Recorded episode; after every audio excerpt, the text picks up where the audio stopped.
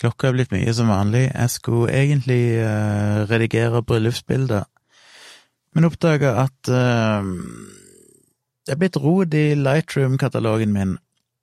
Lightroom er jo det programmet jeg bruker, Adobe Lightroom, for å redigere bilder. Og som jeg snakket om i tidligere episoder her for en stund siden, så har jeg drevet og testet ut forskjellige programmer. Både Lightroom og Luminar og var så vidt innom Capture One.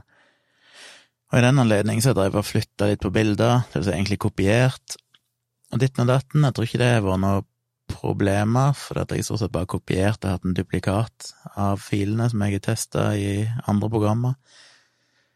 Men jeg tror det er blitt et problem på et eller annet tidspunkt når jeg eh, fant ut jeg skulle omorganisere katalogstrukturen, for det har vært litt ymse.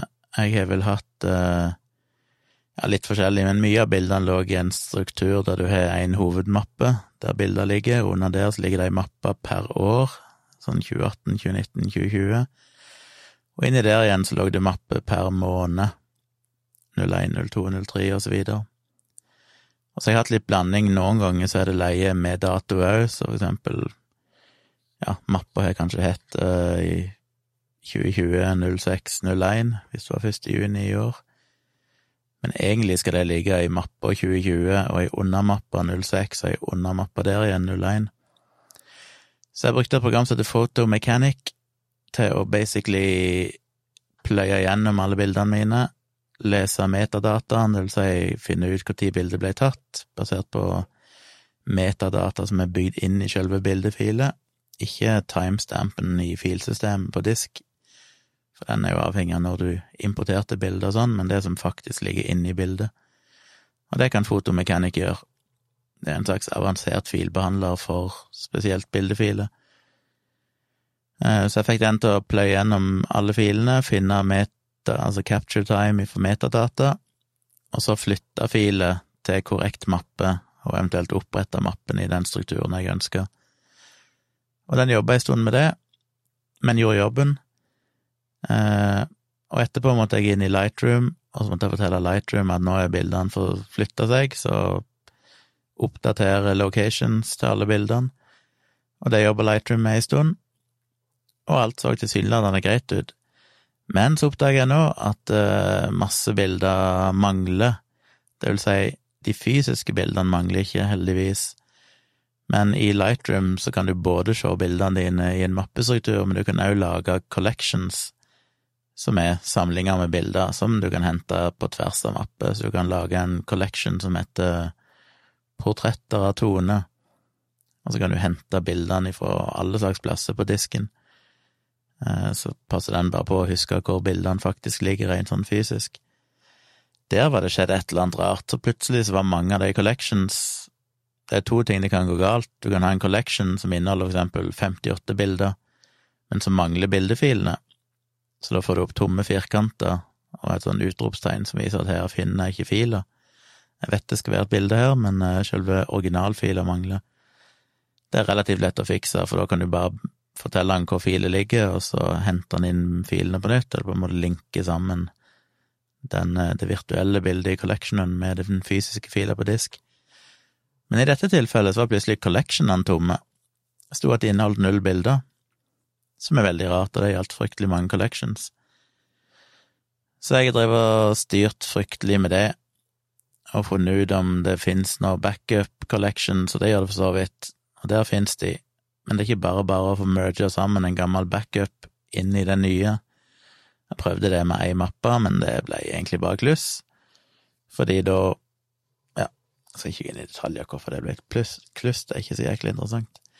Det som var litt mer mystisk, var at eh, i enkelte collections der var bildene der, men på et og annet bilde så var redigeringen forsvunnet. Så det var på en måte bare som bilder rett ut av kamera.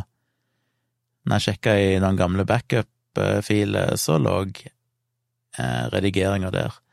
Men igjen, jeg fant ingen enkel måte å importere en redigering ifra et bilde i en backup collection inn i den faktiske collectionen jeg bruker. Så jeg ga litt faen og tenker ja, ja, worst case så kan jeg redigere de for bildene på nytt hvis jeg absolutt finner ut at jeg vil eksportere de på nytt, eller noe sånt. Men eh, sånn irriterer meg. Så til slutt så begynte jeg å ja, Så jeg satt og jobba litt manuelt der nå med å få importert alle bildene til de collectionene de hører til, og så håper jeg at dette holder seg. Jeg må bare være forsiktig og ikke drive og kødde mer. Det er sånn det er i starten, du liksom ikke helt bestemt deg for en struktur, kanskje ikke engang hvilket program du skal bruke. Så blir det litt eksperimentering fram og tilbake, og da kan det fort gå kluss i ting. Men eh, nå er jeg vel egentlig settla på at jeg, eh, selv om det er fristende med andre programmer, så kommer jeg nok til å bruke Lightroom som mitt eh, Lightroom Classic som mitt hovedprogram, blant annet fordi det er kun den som har skikkelig funksjonalitet for print. Um, ja, og har en veldig god sånn måte å organisere bildebiblioteket på, så lenge du passer opp og ikke fucker opp filer utenfor Lightroom, for da kan Lightroom gå litt i surr. Eh, så liker jeg jo Luminar, som jeg snakker om, Luminar, denne AI, kunstig intelligens-editoren, som nå nettopp lanserte en helt ny versjon, som heter Luminar AI. Jeg har brukt Luminar 4, som inneholder en del sånn AI-funksjonalitet, men nå kommer de med en helt ny versjon som basically gjør enda mer, som på en måte fokuserer 100% på at alt skal være AI, og gjør det meste bedre. Ingen som har prøvd den ennå, for den er ikke sluppet, men du kan pre-ordere den, og det har jeg gjort. Koster noen hundrelapper, så jeg har forhåndsbestilt den, og da får jeg han når han kommer. Så er de 30 dager angrerett for den dagen de faktisk slipper programmet, så hvis jeg ikke skulle gidde, så kommer jeg vel neppe til å benytte meg av de hundrelappene jeg sikkert verdt det for å ha det programmet. Så da kan jeg bruke det på si, men jeg kommer nok ikke til å bruke det standalone. Da kommer jeg til å bruke det som en plug-in i Lightroom, så de gangene jeg trenger å gjøre et eller annet i Luminar, så kan jeg åpne bildet i Luminar ifra Lightroom, sånn at bildet fortsatt ligger i Lightroom-strukturen. Anyway, det var en lang eh, en sju minutters versjon av hvorfor jeg plutselig har sittet i noen timer nå og ikke egentlig fått gjort noen ting produktivt. Ikke fått redigert bryllupsbilder. Eh, det må jeg skynde meg å få gjort, for det er hun hovedfotografen i det siste bryllupet, Cecilie, hun har jo nå levert bildene til brudeparet, og nå venter de vel egentlig på å få bilder fra meg òg. Så da må jeg skynde meg, men det er fuckings travelt med jobb og alt som skjer. Og så har jeg jo plutselig noen fotoshoots planlagt som tar opp litt tid, så ja, det er mye å henge fingrene i. Men spoiler alert, folkeopplysningen, Um, I kveld var det den, uh, for min del, etterlengta episoden om uh, helse. Kroppen på service heter vel episoden. Og for de som ikke har sett den, og har tenkt å se den, og ikke vil ha noen spoilere, så kan de eventuelt avslutte her og høre denne episoden seinere. Men den ligger altså ute på NRK nett-TV, så du kan se den akkurat når du vil. Det er bare google NRK Folkeopplysningen, så finner du nok det. Jeg tenkte jeg ville si bitte grann om den episoden, for jeg syns jo den, det er en kul episode. Um, forhåpentligvis tankevekkende for mange. Og det var gøy å se fruktene av det arbeidet jeg har gjort. Det var gøy å se Det var for eksempel en sekvens der der de brukte Hva feiler det deg? med Wasim Sahid og co. fra NRK, dette kjente programmet. Og det var en idé jeg hadde på et av de første møtene, sa fuck, hun må jo få med hva feiler det deg? De kunne jo, de kan jo brukes til å illustrere et eller annet om hvordan vi enten står og googler oss til fram til helsefrykt. Og det ble jo med i programmet, så det er jo litt kult å tenke at hm, det var min idé. Eh, I tillegg så var det mye interessant, og det kanskje mest ja, sånn takeaway-punktet var jo bare at å teste seg mer er ikke en god ting. Eh, for, for frisk, ellers friske folk, da, selvfølgelig. Eh, å ta sånn årlig helsesjekk og sånn, det fører ikke til mindre sykdom, ikke til økt leve, økt overlevelse, eller mindre dødelighet. Det fører stort sett bare til overbehandling, som har konsekvenser. Så ikke gjør det, folkens. Ikke Det er rart det der, for når du hører, hører amerikanske podkaster og bare ting fra den amerikanske populærkulturen og sånn, så er det jo utrolig innebygd, innarbeidet i USA å ha en sånn yearly checkup, Ah, been to my yearly checkup. Hver gang jeg hører de si det, så tenker jeg bare åh, ikke gjør det. Det er veldig, veldig dumt.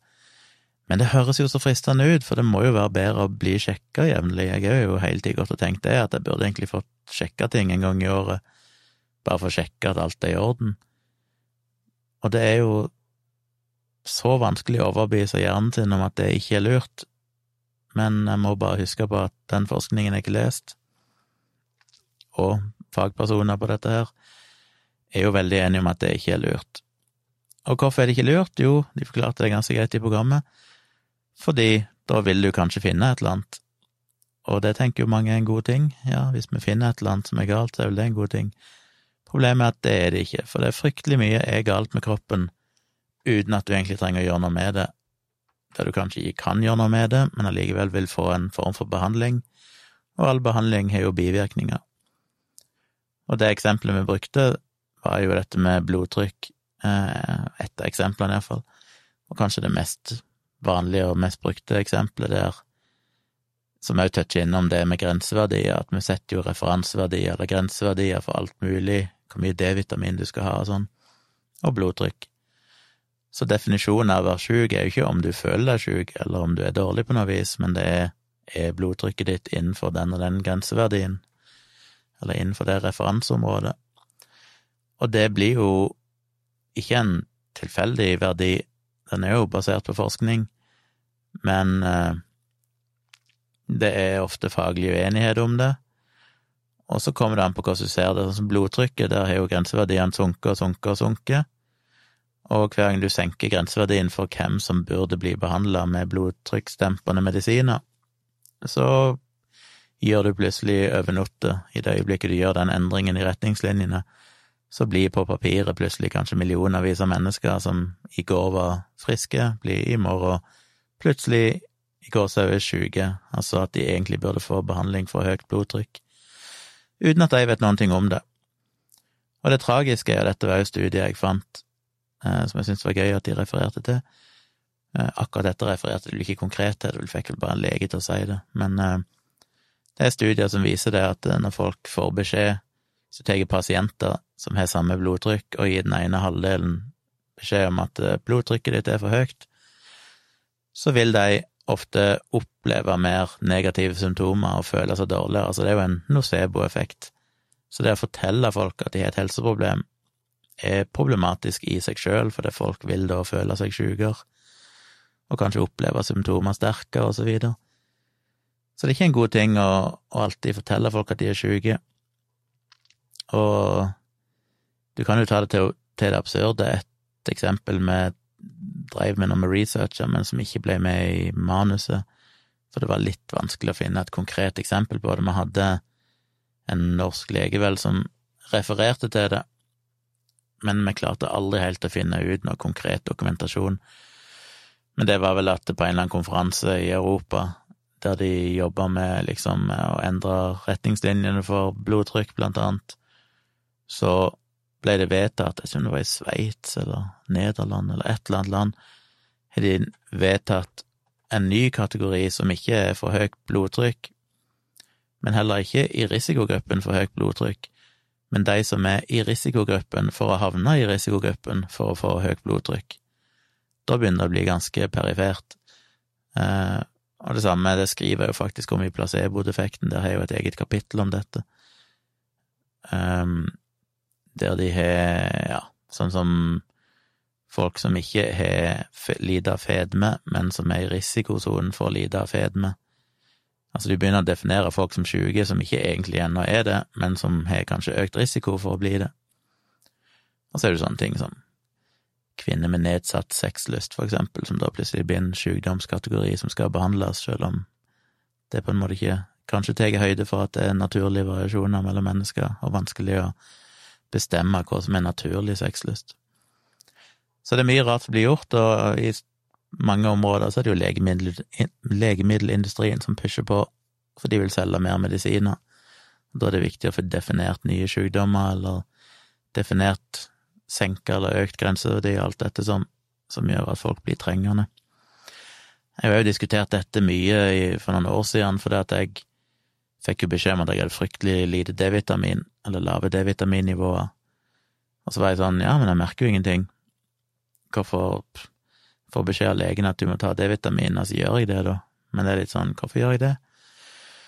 Og da er det interessant å se på grenseverdier, for de har hatt akkurat samme diskusjon der som de har hatt med blodtrykk, at uh, det er faglig uenighet om hvor grenseverdiene skal være, hvor mye D-vitamin skal du egentlig ha for å være frisk, eller i gåseøyne frisk, og havner du under den grenseverdien, så er du per definisjon har du D-vitaminmangel, men hvis de da endrer den grenseverdien som de har gjort tidligere, så kan du igjen ende opp med at liksom over natta, fordi du endrer en verdi, så er det plutselig 20 millioner mennesker som da plutselig lider av D-vitaminmangel, som ikke gjorde det i går.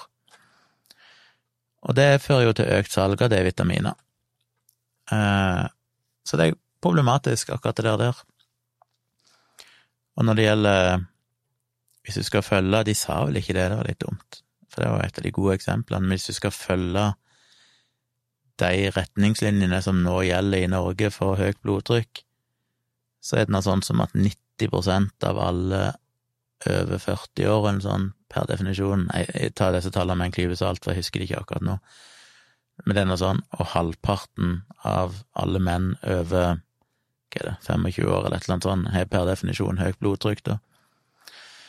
Så det er jo derfor de grenseverdiene isolert sett er ganske betydningsløse, så de fleste leger da er jo ser jo på et mer komplett eh, bilde, eh, og gir deg ikke behandling med blodtrykksmedisiner hvis ikke det, det finnes andre Hvis ikke det totale bildet av helsa di, for eksempel om du røyker eller er overvektig eller har andre faktorer som gjør at høyt blodtrykk kan være en risiko.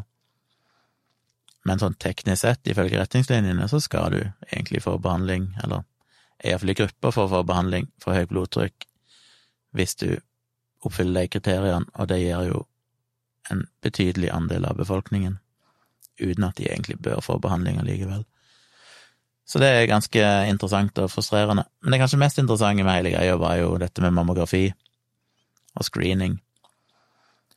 Og det har jo vært en del debatt om det, men til og med for meg, som har vært ganske engasjert i helsespørsmål og sånn i mange år, så hadde jeg vel ikke egentlig helt fått med meg Jeg visste det var en debatt om det, men hadde ikke helt fått med meg detaljene i det. Dette med overbehandling og sånn.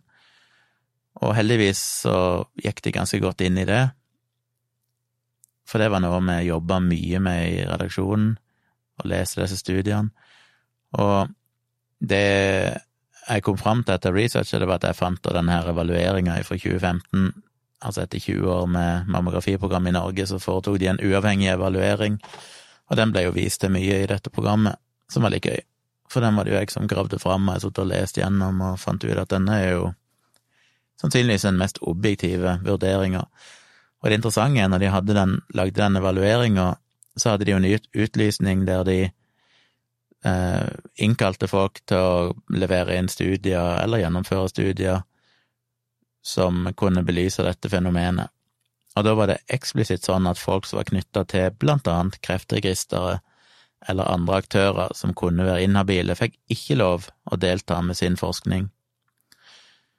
Og det de gjorde da, når de så på dette med overbehandling, var jo at de blant annet kom fram til at eh, Jeg tror de endte opp der med at du overbehandla fem personer for hver person du redda for å dø av kreft. Så for hver person som altså de oppdager kreft og behandler sånn at de overlever, eh, istedenfor å dø av en kreft som ville ha drept de, så behandler de òg fem personer med en kreft som sannsynligvis aldri ville ha blitt farlig, men de bare klarer å finne fordi vi har gode måter å detektere det på. Og det var jo da basert på at jeg hadde sett på tallene fra mange studier, og tallene spriker veldig. Det er fryktelig vanskelig å finne tall for akkurat dette med overbehandling, det er mye uenighet. Men det tallet med fem overbehandla per liv du redder, var jo et, en veldig nøktern vurdering, altså de la seg i det nedre sjiktet av alle tallene de fant. Og når de da intervjuer hun lederen i Kreftregisteret, så følte jeg ikke hun var helt korrekt i det hun sa, for hun sa jo blant annet at den var basert på én studie som var litt gammel og et eller annet, mens de hadde gjennomført en nyere og bedre studie. Det er jo ikke sant, den evalueringa var ikke basert på én studie, den var en nøktern vurdering av mange studier, og de hadde altså lagt seg i det nedre sjiktet av overbehandling, så de kunne ha funnet verre tall hvis de ville. I tillegg så er det jo, som de påpekte, påpekt, som jeg satt bare rista av hodet av når vi satt og Og det var det vel egentlig mer hun Ragnhild Bøhler, som jobba med meg på research, som oppdaga. Og det var dette her med at den innkallinga til mammografiscreening, som da refererer til Kreftregisteret sine, sine, sine sider, nettsider, der viser de jo til sin egen studie, som finner mye bedre tall for hvor mange liv som blir redda, og hvor få som blir overbehandla der hun lederen for Kreftregisteret sjøl og leder den studien. Og det er ganske fascinerende at de hadde ikke lov å være med i den evalueringa, for de var jo regna som inhabile. Og allikevel så er det deres egen studie de bruker i den offentlige informasjonen til kvinnene i dag. Som, altså, de var for inhabile til å delta, eller til å være en del av den uavhengige evalueringa, men det bare ignorerer de og bruker sin egen studie allikevel, for at den ser bedre ut. Jeg mener, det er jo ikke rart de var. Det er ikke rart de ble de var nøye med å ikke ha de med i den evalueringa. Um, så det er ganske frustrerende å se. I tillegg, på de nettsidene Kreftregisteret, så snakker de jo ned den evalueringa veldig, og peker på at eh, ja, det ble gjennomført en evaluering i 2015, men den er store svakheter. Og der sier de ting som er direkte feil. Um, og vi leste det mange ganger, vi leste studien og sa er det rett det de skriver her, men det er det jo ikke. De det er basically løgn om den evalueringa for å prøve å sverte hvordan den er. Um, ja, hva var det jeg skulle si om den evalueringa og Kreftregisteret Ja, Vi jeg kommer på det. To ganger når jeg har hatt det i bakhodet, så skal jeg bare si ferdig noe annet, åssen jeg da skal si det jeg ville si, så har jeg glemt det. Fuck. Overbehandling. Evaluering i 2015. Uh, uh, uh, jeg må se om det dukker opp igjen. Så iallfall um, Og det er problematisk, og det er jo et vanskelig tema, for det er jo det samme som bør vi ikke ta en årlig helsesjekk? Jeg mener å fortelle folk at det faktisk er bedre å ikke vite at du har kreft, enn det er å vite det er et vanskelig budskap å selge. Fordi å bli overbehandla høres jo ikke så ille ut, men som de òg påpekte, det er jo tydeligvis ganske ille, for det at du finner ikke noe forskjell i dødelighet når du sammenligner eh, plasser der du ikke screener for eh, brystkreft, og der du screener for brystkreft. Og hvorfor er det? Jo, det er fordi at kreftbehandlingen i seg sjøl kan føre til dødelig utfall. Så det Kreftregisteret er veldig tydelig på, det at de viser til statistikk som viser at det har vært en nedgang i dødeligheten av brystkreft, og det er rett. Mammografi, screeningprogrammet, forhindrer brystkreftdødsfall. Men du kan ikke bare se på det endepunktet, du kan ikke bare se på det spesifikke endepunktet dødsfall fra brystkreft, du må se på total dødelighet. Og dette er jo snakka om tidligere og skrevet en del om i bloggen og sånn, det er jo klassiske eksempler jeg bruker dette med å ta eh, omega-3, for eksempel. Eh, for det har jo en effekt med at det på en måte tynner ut blodet, eller gjør blodet mer flytende på et vis, altså det flyter bedre. Og argumentet der er jo at det da kan forhindre blodpropp, for eksempel. Og det er bra. Så hvis du ser på dødeligheten ifra blodpropp, så ser du at eh, Jeg husker ikke om dette Jeg vet det har vært i det siste en del tall som viser at dette ikke stemmer, da, men la ikke si det stemte så vil du kanskje sett at eh, dødelighet fra blodpropp synker hos de som tar omega-3. Problemet er bare det at når blodet blir mer tyntflytende, så øker det jo risikoen for blødninger. Og hvis du da ser på total dødelighet, så ser du at vinninga går opp i spinninga. Ja, færre døy av blodpropp, men litt flere døy av blødninger, ergo så er det total dødelighet du må se på. Og det samme gjelder dette med brystkreft og mammografi, fordi hvis det for eksempel er kreft i spesielt venstre bryst, og ender opp med å måtte stråle brystet, så fører den strålingen til at en del får hjerteskader, skader på hjertemuskulaturen. Det kan òg føre til ny kreft, at du får kreft av strålinga. så er det jo cellegiften da som har store bivirkninger, og om så ikke folk dør av det, så er det jo fryktelig mange som lever med seinskader av brystkreftbehandling. Og da er jo spørsmålet hvordan veier du dette, er det verdt at fem personer lever med alvorlige seinskader resten av livet, kanskje de er fjerna brystet, er det verdt det for å redde ett liv? Ja, den vurderingen er vanskelig å gjøre.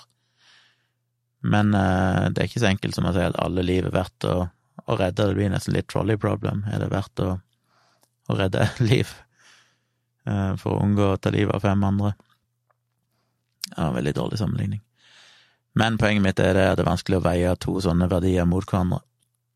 Så det er litt opp til enkelte, men det viktige er jo bare at folk er informert om det, så de kan gjøre den vurderinga sjøl.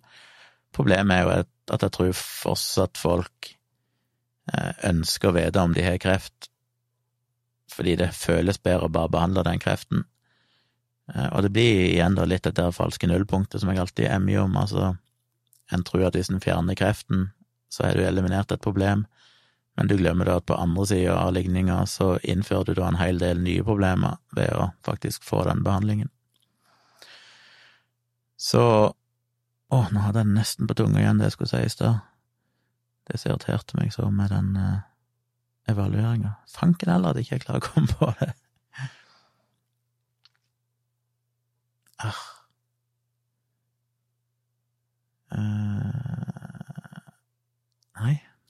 Jesus. Ja, så det er iallfall én ting som er interessant med mammografi og overbehandling. Um, hva var det jeg skulle si? Der òg hadde jeg en ting jeg skulle si. Jeg glemmer alt i dag. Kommer kanskje tilbake igjen i neste episode, hvis ikke jeg husker det nå. Men jeg syns iallfall det er interessant, og det var gøy å sitte og grave fram de studiene og se at de ble brukt i programmet helt konkret er det som er litt tilfredsstillende å jobbe med sånne ting, og bare tenke sånn 'Å, det var det jeg som fant ut', eller ting som blir presentert ganske enkelt i programmet. Der ligger det jo mange, mange, mange timer, dager og uker med research og lesing av rapporter og sånn. En morsom liten eh, godbit, holdt jeg på å si, det var jo at den scenen der de er oppe på Bjerke travbane og tester sånne folk som spiller på hester, for å se hvor gode de er i sannsynlighetsberegning. Den ble vel filma allerede før jul i fjor, hvis jeg ikke husker feil. Og det var ganske morsomt, for det, det teamet som var oppe fra Teddy TV, med regissør og folk som jobber med å filme og alt det der, og Andreas Wahl, det er jo flere personer som er der oppe. Han ene av dem, mens han var der, så bare sånn for moro skyld, så spilte han på en hest. Han bare sa at ja, jeg har sett hva han satte, det var ikke mye penger, det var et ganske lite beløp. Satte han på en hest bare for moro skyld. Og så, når dette her greiene var ferdig, så fikk han sjekka han liksom Oi, jøss, yes, den vant jo. Kult. Så gikk han bort til skranka der og sa jo, du, jeg satte penger på denne hesten, og han vant og sånn. Så så de på han og så var sånn, ja, det, det kan vi ikke betale ut her. Jeg husker ikke helt detaljene i historien, men long story short, det endte opp med at han vant over 300 fuckings 1000 kroner. De andre var bare sånn Jesus Christ, her kom han bare for kødd omtrent, og aldri gjort det før, og bare siden de var der for å filme, så bare spilte han på en random hest. Og han hadde såpass flaks at det var tydeligvis en hest som hadde ekstremt lave odds. Nei, høye odds heter det vel. Høye odds, var liten sjanse for at han skulle vinne, men allikevel vant og så vant han jo fuckings meg over 300 000 kroner. Han var rimelig sjokkert og rimelig fornøyd med det, så det ble det jo mye prat om de dagene der. Um, irriterer meg sånn at jeg ikke husker de tingene jeg skal si, for det var noen uh, gøye og interessante ting. Men jeg får se om jeg, hvis jeg kommer på det plutselig her uh, seinere, så må jeg bare huske å skrive det ned på mobilen, så jeg husker det til neste episode. Men iallfall, hvis dere hadde noen spørsmål om den episoden, og dere syns det er interessant eller lurer på i anledning eh, Kroppen på service, så send meg gjerne en melding, så kan jeg sikkert svare på det. Jeg kan jo nevne noen ting som ikke ble tatt med. Som jeg sa tidligere episode, så begynte jo hele dette her med at vi egentlig skulle se på dette med overbehandling, over, altså for mye kirurgi av kne og rygg og sånne ting. Det forsvant jo helt. Og det ble heller fokus bare på dette med overdiagnostisering. En eh, ting som ble trukket fram i programmet, var jo dette med at leger ofte føler seg pressa til å henvise pasienter til undersøkelser som selv om, nei, selv om legene selv mener at det egentlig ikke er nødvendig, og de spesialistene som tar imot pasientene, de mener jo veldig ofte at det ikke er nødvendig, men de gjør det likevel, for de har jo blitt henvist av en lege, så de føler de må gjøre det. Forklaringen der ble jo ofte av legene da sagt at uh, det er fordi vi føler oss pressa av pasientene, og det var vel egentlig det som ble sagt i Folkeopplysningen òg, av hun ene legen i intervjuet der. Men det var kanskje ikke helt korrekt, altså det er korrekt i den forstand at det er det leger sier, men jeg fant jo òg studier når jeg jobba med dette som peker i retning av at når du spør pasientene, så sier jo pasientene at det er de som på en måte føler seg pressa, eller at de føler at legen Ja, at iallfall ikke de føler at de presser legen på noe som helst vis. Så både leger og pasienter føler seg som offer i den sammenhengen. Og kobla med annen forskning, så var det vel en norsk studie som pekte i retning av at det kunne nok være økonomiske insentiver hos legene.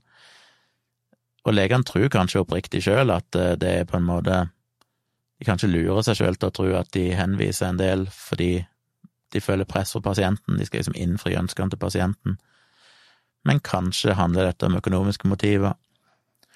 Men det blir altfor komplisert å komme inn på, for det snakker jeg intervjuer nå en del folk og sånn, jeg driver research av dette, og det var en del av de som var veldig opptatt av dette her stykkprissystemet, for det er jo det som er greia med leger i Norge, at hver lege i Norge, med mindre du jobber på et sykehus eller noe sånt, altså fastlegen din er jo som regel da en egen bedrift, legen har sitt eget foretak.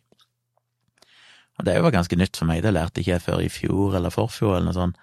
Jeg har alltid innbilt meg at en lege var lønna av staten eller kommunen eller et eller annet sånt, eh, men greia er jo det at leger er sin egen bedrift, og det de tjener penger på, er jo Ja, de får vel litt penger for uh, det du betaler som pasient, men det meste får de jo gjennom refusjonsordninger fra staten. Så de har jo en sånn tabell der en undersøkelse utløser så og så mye penger, en annen undersøkelse utløser så og så mye penger. Bruker du så og så mange minutter på pasienten, så er du rett på så og så mye penger i refusjon. Bruker du mer tid, så er du rett på enda litt mer penger. Så det er mye interessant der. Jeg tror for eksempel én sånn grense er 15 minutter, så hvis du bruker vesentlig mindre enn 15 minutter, så får du utløst så og så mye penger. Men går du over 15 minutter med pasienten, så får du utløst en, en annen sum i refusjon for staten. Og det kan jo selvfølgelig føre til at hvis du har sittet inne hos legen din i 13 eh, minutter, så bevisst eller ubevisst, så kan det jo kanskje være at legen da føler for å holde på deg litt lenger, for da er du så nærme for å krysse over den 15-minuttersgrensa at det vil jo være økonomisk fornuftig for deg å kanskje gjøre det, som kan være en god ting. Kanskje de da snakker litt mer med deg, og det er jo som regel en god ting. Men du har nok òg leger da som spekulerer i å være veldig raske, for hvis de er kjappe, så får de mer penger, altså de får en viss med, en viss sum per pasient de har inne, da, i en kort tid. Så det å kunne ha tre pasienter på et kvarter, der du bare er inn fem minutter ut igjen, kan kanskje være mer lønnsomt enn å sitte i 15 minutter eller 14 minutter med én pasient. Så det fikk jeg jo litt inntrykk av min forrige fastlege, for han fant jeg ut via noen avisartikler var en av de legene i Norge som hadde, hadde flest pasienter. Og jeg har jo snakka litt om det ideologiske og sånn òg, at han var jo veldig merkelig. Jeg likte han godt på mange måter. Men han var jo sånn som Legetimene mine var ekstremt kjappe, de var liksom fem til ti minutter maks, og han gjorde aldri en eneste undersøkelse av meg. Han henviste meg alltid bare til spesialister, så jeg ble nesten alltid henvist til et eller annet blodprøve eller noe sånt, så gjorde han ingenting sjøl.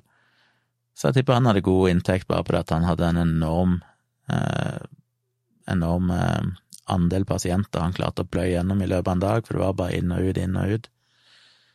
Så det, i den tid tenkte jeg ikke noe over det, men det er klart at det kan godt være at han på en eller annen måte fikk mye igjen for det, da, gjennom å i gåsehudet utnytte dette her stykkprissystemet som norske fastleger baserer seg på.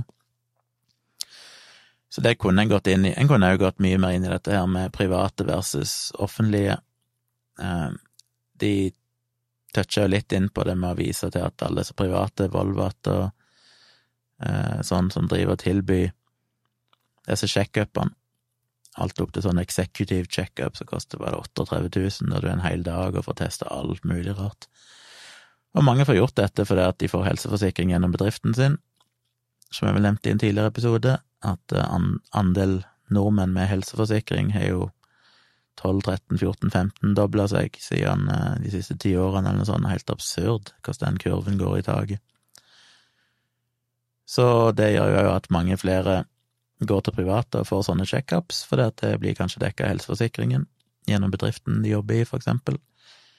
Og så er det helt unødvendig å føre stort sett bare til at folk blir overbehandla. Og som jeg har sagt tidligere, når folk blir overbehandla og får bivirkninger av det, så er det det offentlige helsevesenet som må ta seg av og følge opp pasientene etterpå. Så totalt sett så fører det til en, en ekstra belastning på det offentlige helsevesenet, der de bruker tid og ressurser på ting som de kunne ha unngått hvis ikke folk hadde gått og sjekka seg hele tida, som har dekka forsikringen, blant annet. Så det er ganske Og jeg satt jo og leste og leste og prøvde å finne ut av hvem som var verst. Dette var vel egentlig tidligere, før vi gikk over til det med overbehandling, men når vi fortsatt så på dette her med unødvendige kneoperasjoner, unødvendige ryggoperasjoner, så interessante der er jo at det varierer seg fra sted til sted. Um, jeg tror det er i Midt-Norge, altså i Trøndelag, gikk vel, kom vel nesten alltid verst ut på at det var helt latterlig hvor mye Jeg skal ikke si det helt konkret, men det var iallfall hvis du så fra fylke til fylke, så er det noen fylker som for eksempel opererer rygg så ufattelig mye mer ofte enn andre fylker. Så det er ganske interessant. Jeg lurer på hvorfor det er sånn. Hvorfor det er enorme regionale forskjeller på hvor mange de ender opp med å behandle. Men jeg prøvde jo å finne ut om private og offentlige hadde stor forskjell i for eksempel å operere meniskader, som jo da viser seg å egentlig ikke ha noen effekt, eller operere sånn skiveutglidninger, som heller ikke ser ut til å ha noen effekt hos de aller fleste. Men det var litt vanskelig å finne klare tall på det, selv om jeg fant en del tall som tyder på at i det private så var de ganske mye mer ivrige på å gjennomføre unødvendige operasjoner enn det de offentlige. De offentlige var ganske flinke til å, å følge nye erfar eller nye data. Alltid en treghet i systemet, selvfølgelig. Det går noen år ifra de kommer nye data til du klarer å endre retningslinjer og sånn. Men det hadde gått ganske dramatisk ned med sånn rygg- og kneoperasjoner i det offentlige, mens i det private så var det en del tegn på at det faktisk fortsatt økte. Um, tilsvarende med å teste seg for uh, av det dummeste du kan gjøre, er jo å få sånn screening for prostatakreft. Og det driver jo blant annet Volvat, tror jeg det, og reklamerer for. Kom inn og få en uh, screening for uh, prostatakreft. Reklamere for det til menn over 50, eller hva det.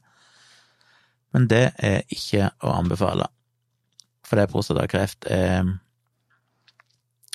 hos de fleste ikke så veldig farlig, uh, og det å få behandling for det er en stor uting for veldig mange.